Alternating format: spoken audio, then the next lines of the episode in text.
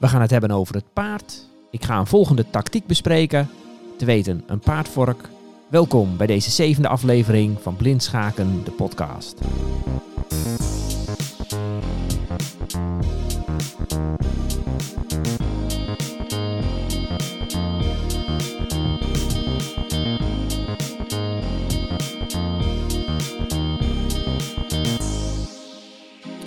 Mijn naam is Jan Spoelstra. Welkom bij deze schaakcursus per podcast. Vandaag eh, gaan we het hebben over het vijfde van de zes schaakstukken die er zijn, het paard. Voor veel schakers is het het, eh, het favoriete stuk, omdat hij toch wat eh, rare fratsen uit kan halen. Nou, la- later meer daarover. Ehm zullen, jullie van me, zullen jullie merken, ik kom even twee dagen eerder online met deze podcast. En dat is omdat ik dit weekend mee ga doen met het Open NSVG kampioenschap. Dat is het eh, kampioenschap van de Nederlandse Schaakvereniging voor Visueel Gehandicapten. Die hebben elk jaar een, eh, een toernooitje waarin je zes eh, partijen speelt. Doen altijd zo'n zo'n 20 tot 25 mensen aan mee. Erg leuk. Ik hoop wel dat het doorgaat trouwens. Ehm, coronabesmettingen lopen toe. Maar eh, er zijn volop maatregelen waarop het eh, veilig kan. En eh amateursporten moeten in principe gewoon door gaan kunnen blijven vinden. Dat houdt de mens gezond. Dus eh, vandaar dat ik even wat eerder ben. Ehm, nou, kijk misschien even op de website van de NSVG eh, om te kijken hoe ik het ervan afgebracht heb. Ehm, we gaan het hebben over het paard. Wat hebben we nodig voor deze aflevering? We hebben nodig een eh, witte koning en een wit paard. We hebben nodig een zwarte koning en een zwarte dame. En ik heb de acht pionnetjes van zwart even nodig om even goed aan te geven waar een paard allemaal heen kan springen vanaf een bepaald veld. Ik heb twee stellingen voor jullie. We beginnen gewoon met een paard op het bord. En daarna laat ik even zien wat een paardvork is, een volgende tactiek. En voor deze eerste stelling zetten we het witte paard op EVA 4, op E4, zoals we altijd beginnen wanneer we een nieuw stuk eh, leren. Eh, ik heb ook de acht zwarte pionnetjes voor deze stelling nodig. En ik ga eerst even uitleggen hoe een paard over het bord beweegt. Nou, een paard springt in één zet twee stappen vooruit en één naar links of rechts. Of hij springt in één zet twee stappen achteruit en één naar links of rechts. Een paard kan ook opzij springen. Hij kan ook naar links springen, twee stappen. En één stapje vooruit of achteruit. Of hij doet twee stappen naar rechts en één vooruit of één achteruit. Nou, ehm, het paard staat nu op E4. Ik ga nu even om, en om eh, eh, zeggen naar welke velden het paard allemaal van hieruit kan springen. En ik zet even een pionnetje op al die velden. Dan zien we dat hij vanuit E4 kan het paard twee stappen naar voren en één naar links. Dan komen we op David 6. We kunnen twee stappen naar voren en één naar rechts. Dan komen we op Felix 6. We kunnen vanuit E4 twee stappen opzij en één naar voren. Dan komen we op Gustav 5. We kunnen twee stappen naar rechts en één naar achteren. Dan komen we op Gustav 3. Nou, ik zet steeds op al deze velden even een pionnetje. Vanuit E4 kunnen we ook twee stappen naar achteren en één naar rechts. Dan komen we op F2. We kunnen ook twee stappen naar achteren en één stap naar links. Dan komen we op David 2. Dan kunnen we ook nog naar links springen. Vanuit E4 kun je twee stappen naar links zetten en één naar voren. Dan kom je op eh Caesar 5. En je kunt twee stappen naar links en één naar achteren. En dan kom je op Caesar 3. Nou, er staan nu acht zwarte pionnetjes op het bord. We zien dat het paard vanuit het eh, centrale veld eh, naar acht velden kan springen. Prent dit patroon even goed in je hoofd. Zo'n paard heeft altijd een klein diagonaaltje van, van twee velden. Links voor zich, rechts voor zich, links achter zich of rechts achter zich. En eh, het feit dat dat een, een beetje een diagonaaltje is, maakt dat een paard vaak ook wel goed is in het neutraliseren of het, ja, het tegengaan van een, een, een loper van de tegenstander. Nou, het voordeel wat een paard heeft ten opzichte van een loper is dat hij op verschillende kleuren velden staat. Hè, na elke sprong dat een paard doet, wisselt hij van kleur en wisselt ook de kleur van de velden die hij aanvalt. Nu haal ik de zwarte pionnetjes even weer van het bord af. En wat ik zo meteen ga doen, is het paard een stuk uit het centrum verplaatsen. En dan kijken we hoe het aantal velden waar die naartoe kan verandert. Ik doe de zwarte, zwarte pionnetjes, die ruim ik op. Ehm, wat we zien is dat het paard, als die in het uh, vierkant, dat begint bij C3 en via F3, F6 en C6 loopt. Dat is een vierkant waarin 16 velden liggen, die in het, in het midden van het bord ligt. Vanuit alle 16 velden op dat vierkant kan het paard naar 8 velden springen. Nou, als we het paard nou buiten dat vierkant zetten, bijvoorbeeld op EVA 2, dan zien we dat het aantal velden waar die naartoe kan met 2 zakt. Want het paard kan nu geen twee stappen naar achteren zetten en naar links of rechts springen, want daar ligt geen veld meer. Dus hij kan alleen maar twee stappen naar voren en naar links of rechts, of twee stappen naar links of rechts en dan één naar voren of achteren. Dus we hebben nog maar zes velden. Nou, dit soort velden van waaruit je naar zes uh, velden toe kan springen, dat is zeg maar het, uh, het rijtje velden dat bij uh, C2 begint tot aan F2. En ja, zo'n soort, uh, zulkezelfde rijtjes van vier velden liggen ook aan de linkerkant, rechterkant en aan de overkant van het bord. Dus er zijn ook 16 velden van waar dat paard naar zes velden kan springen. Nou, dan zijn er nog uh, 20 velden van waaruit een paard naar vier velden kan springen. Zet het paard maar eens op EVA 1. We gaan weer naar de rand. We staan nu op de rand. We kunnen nu naar voren en naar links en rechts. Dat zijn twee velden. We kunnen naar links en één stap naar voren. Dus twee velden naar links en één naar voren. Dus vanuit, uh, nou, laten we het uh, nog even de velden benoemen. Vanuit E2 kun je naar uh, twee velden naar voren en één naar links. Dan kom je op David 3. Je kunt ook in één sprong naar Felix 3.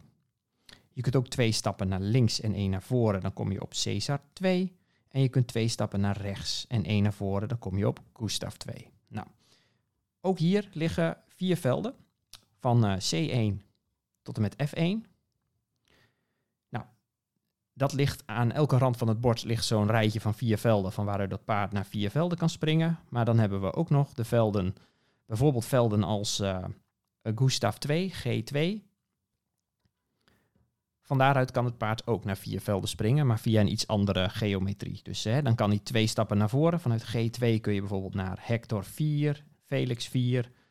Of je kunt naar, G, naar E1 of E3.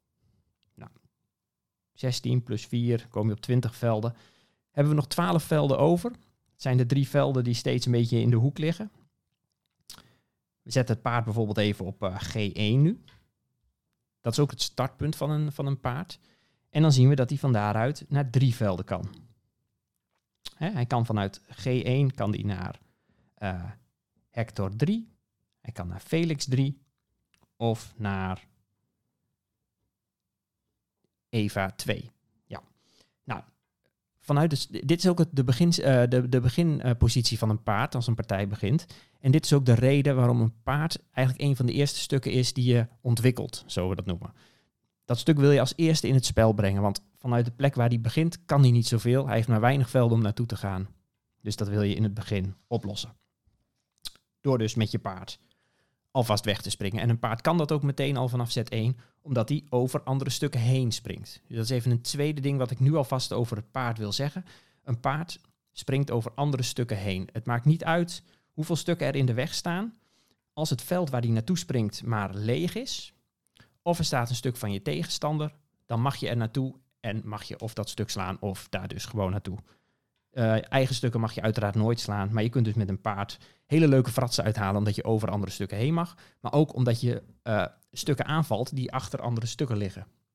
Dus je kunt bijvoorbeeld met een paard uh, soms een koningsschaak mat zetten, terwijl de tegenstander dat helemaal niet verwacht. Of nou ja. Um, Oké. Van dit soort velden waar we het paard nu op gezet hebben, G1, daar hebben we er acht van. Nou, we waren net al bij, volgens mij waren we net al bij 52 velden. We hebben nog uh, acht velden van waaruit dat paard naar drie uh, velden toe kan. En dat zijn dus de velden, uh, bijvoorbeeld velden als G1, maar ook B1. Dan hebben we nog vier velden over. Hè. We, hebben nu, we zitten op 60. Het schaakbord heeft 64 velden. Vanuit de vier hoeken kan het paard maar naar twee velden toe. Dus ik zet het paard even op Hector 1. Nou, van daaruit kan het paard naar Felix 2 of naar Gustav 3. Oké, dan zet ik het paard nog even terug op Eva 4. E4, het centrale veld. Nou, ik pak er ook nog even een zwart pionnetje bij. En ik zet nu steeds het zwarte pionnetje op een veld neer. En dan is steeds de vraag, in hoeveel zetten kan wit het pionnetje slaan? Nou, we hebben het pionnetje nog niet behandeld in deze podcast, maar eh, bij deze weet je alvast dat hij geslagen kan worden. Ehm, het witte paard staat op E4. Ik zet een pionnetje op David 4. In hoeveel zetten kan dit pionnetje geslagen worden? Nou, hij staat ernaast. Je zou denken dat, dat hij staat dichtbij, maar voor een paard is dit drie zetten weg. Het paard springt bijvoorbeeld van Eva 4 naar David 6. Van David 6 springt het paard naar Felix 5. En van Felix 5 kan die slaan op David 4. Oké. Verplaats ik het pionnetje een stap verder weg. Bijvoorbeeld naar van David 4 zet ik nu het pionnetje op Caesar 4.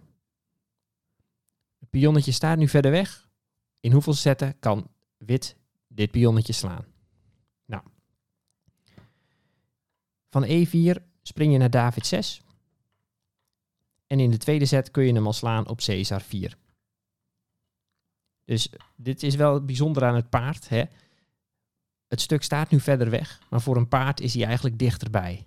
En dat maakt het paard bijzonder onvoorspelbaar in het schaakspel. Als je hem bijvoorbeeld weer een stapje verder weg zet, dan zetten we hem nu op. Uh, staat, het paard staat weer op E4, het witte paard. En het pionnetje op Bella 4. In hoeveel zetten kan, hij, kan wit dit pionnetje nu slaan? Nou, nu kost het, net als dat het paard, net als dat het pionnetje naast het paard stond, kost het ook nu drie zetten om dat pionnetje te slaan. Je kunt bijvoorbeeld naar Caesar 5. Dan kun je naar, even kijken, Caesar 5. Dan springen we naar David 3. En van David 3 springen we naar Bella 4. Slaan we het pionnetje 3 zetten. Ik zet het paard weer terug op E4. Pionnetje staat op B4. Uh, eh, die verplaats ik nu naar Anna 4. Wederom de vraag, in hoeveel zetten kan het pionnetje geslagen worden? Nou, het pionnetje is weer een stapje verder gegaan, maar ook nu kost het weer een set minder om hem te slaan. Van Eva 4 kun je bijvoorbeeld naar Caesar 3. En van Caesar 3 kun je slaan op A4. Dus nou, speel hier even mee met dit soort uh, patronen van het paard. Het is heel belangrijk uh, in het schaakspel, met name na de opening. Dan stel de, de, de stelling komt een beetje klem te staan, de pionnen staan een beetje klem tegenover elkaar. Dan is er vaak wel een veld te vinden waarvan je denkt, hé, hey, daar zou dat paard eigenlijk heen moeten. En dan moet je beginnen met manoeuvreren. Nou, ehm, we hebben, zijn net in een, in een rechte lijn ten opzichte van dat paard opzij geschoven. We doen hetzelfde ook nog even in een schuine lijn. Dus uh, ik zet het witte paard weer op E4 en ik zet een zwart pionnetje op David 5. Nou, hij staat er vlakbij. Hoeveel zetten heeft hij nodig om hem te slaan? Nou, het witte, paard, het witte paard kan de zwarte pion in twee zetten slaan. Van E4 kun je bijvoorbeeld naar C3. En van C3 kun je slaan op David 5. Nou. En nu komt het mooiste veld ten opzichte van het paard. Ik zet hem nu op Caesar 6. Het pionnetje staat op Caesar 6 en het paard staat op Eva 4. Nou, optisch, of als je het voelt, lijkt het heel dicht bij elkaar te staan nu. er zit één veld tussen. Maar hoeveel zetten heeft hij nodig om dat pionnetje te slaan? Nou, als je gaat proberen, dan zul je erachter komen dat er vier manieren, dat, dat je vier zetten nodig hebt om hem te slaan. Je kunt bijvoorbeeld van Eva 4 naar David 6.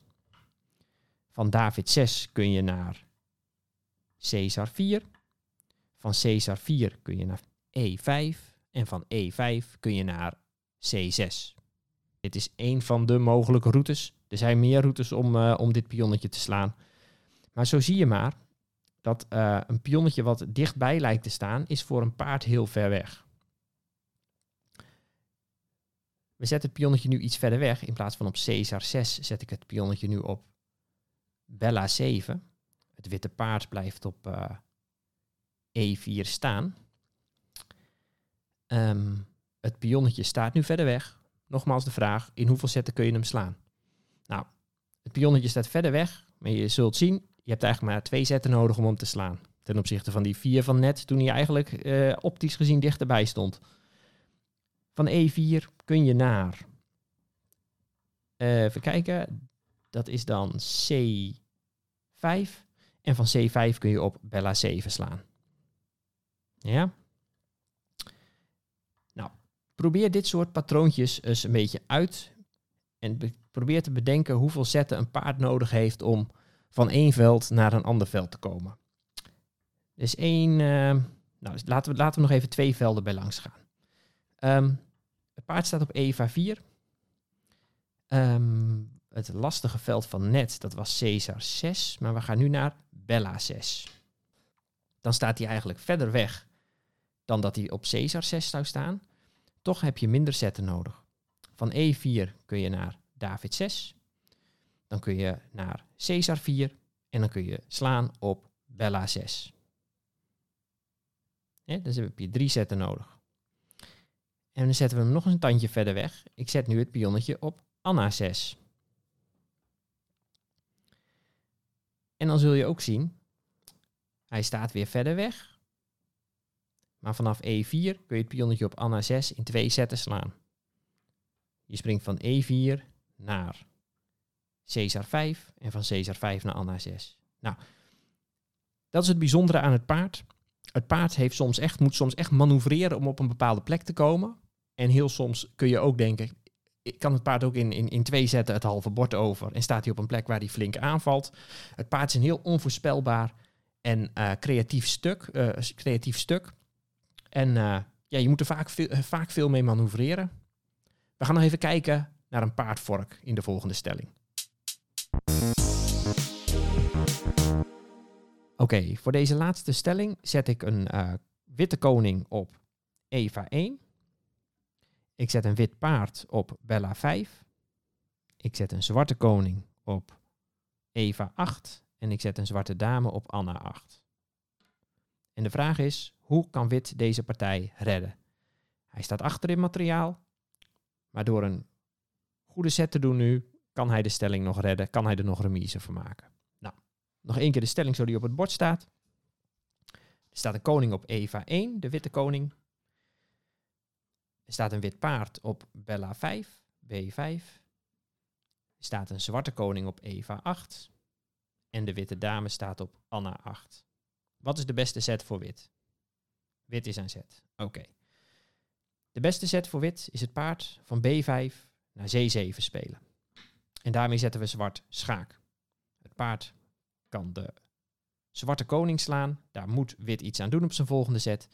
Maar ondertussen kan wit ook de zwarte dame op Anna 8 slaan. Dit noemen ze een vork.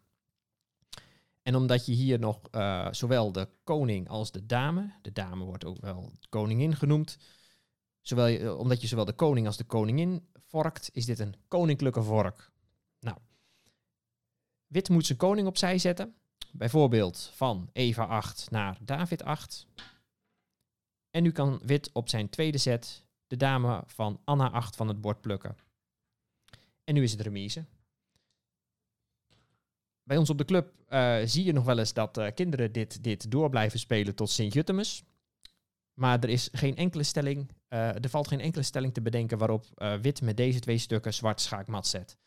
Of ja, dus het is afgelopen.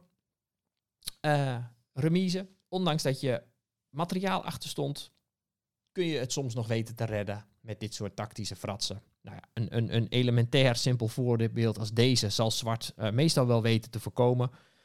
Maar goed, uh, een paardvork komt vaak voor in partijen, moet je altijd op bedacht wezen. Goed, dat is het voor nu. er zijn eigenlijk nog heel veel tactische stellingen te verzinnen die erg interessant zijn, waar, waar, waar paarden aan te pas komen. Uh, ik heb, ben recent een keer een hele leuke tegengekomen die ik graag met jullie wil delen, maar dat kan ik pas doen als we alle stukken behandeld hebben en ook weten hoe pionnen over het bord bewegen. Dus dat, uh, dat, komt, dat komt de volgende keer. Die zal ik de volgende keer in de bonus zetten. We gaan het de volgende keer hebben over de pion.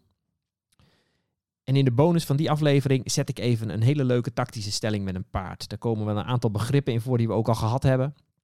Oké, ehm, waar hebben we het nu over gehad? We hebben het gehad over een paard, hoe die over het bord beweegt. Voor een paard geldt heel erg dat, je hem, uh, dat, hij, dat hij in het centrum veel sterker is dan aan de randen van het bord. Hij kan naar veel meer velden toe vanuit het centrum dan vanuit de randen. Meer, het effect is groter dan bij andere stukken. Um, we hebben gezien dat je met een paard vaak moet manoeuvreren om op velden te komen. Soms lijkt een veld heel dichtbij, maar moet een paard toch vier zetten doen om er te komen. En andersom lijkt een veld soms ver weg en is een paard er in twee zetten. Een paard kan springen over andere stukken heen. Um, we hebben gezien dat een paard een vork kan uitvoeren. Dat is soms wel eens een verrassende aanval voor je tegenstander. En dan kun je vaak wel een, een stuk mee winnen. Uh, dat is het voor nu. De volgende keer het pionnetje. En zijn we al heel dichtbij om alle regels uh, behandeld te hebben. En dan uh, gaan we daarna door met eindspelen. Bedankt voor het luisteren. Heb je vragen? Blindschaken de podcast at gmail.com. Stuur gerust een e-mail. Ik ben heel benieuwd wat jullie hiervan vinden. En ik zie jullie graag de volgende keer weer terug achter het bord.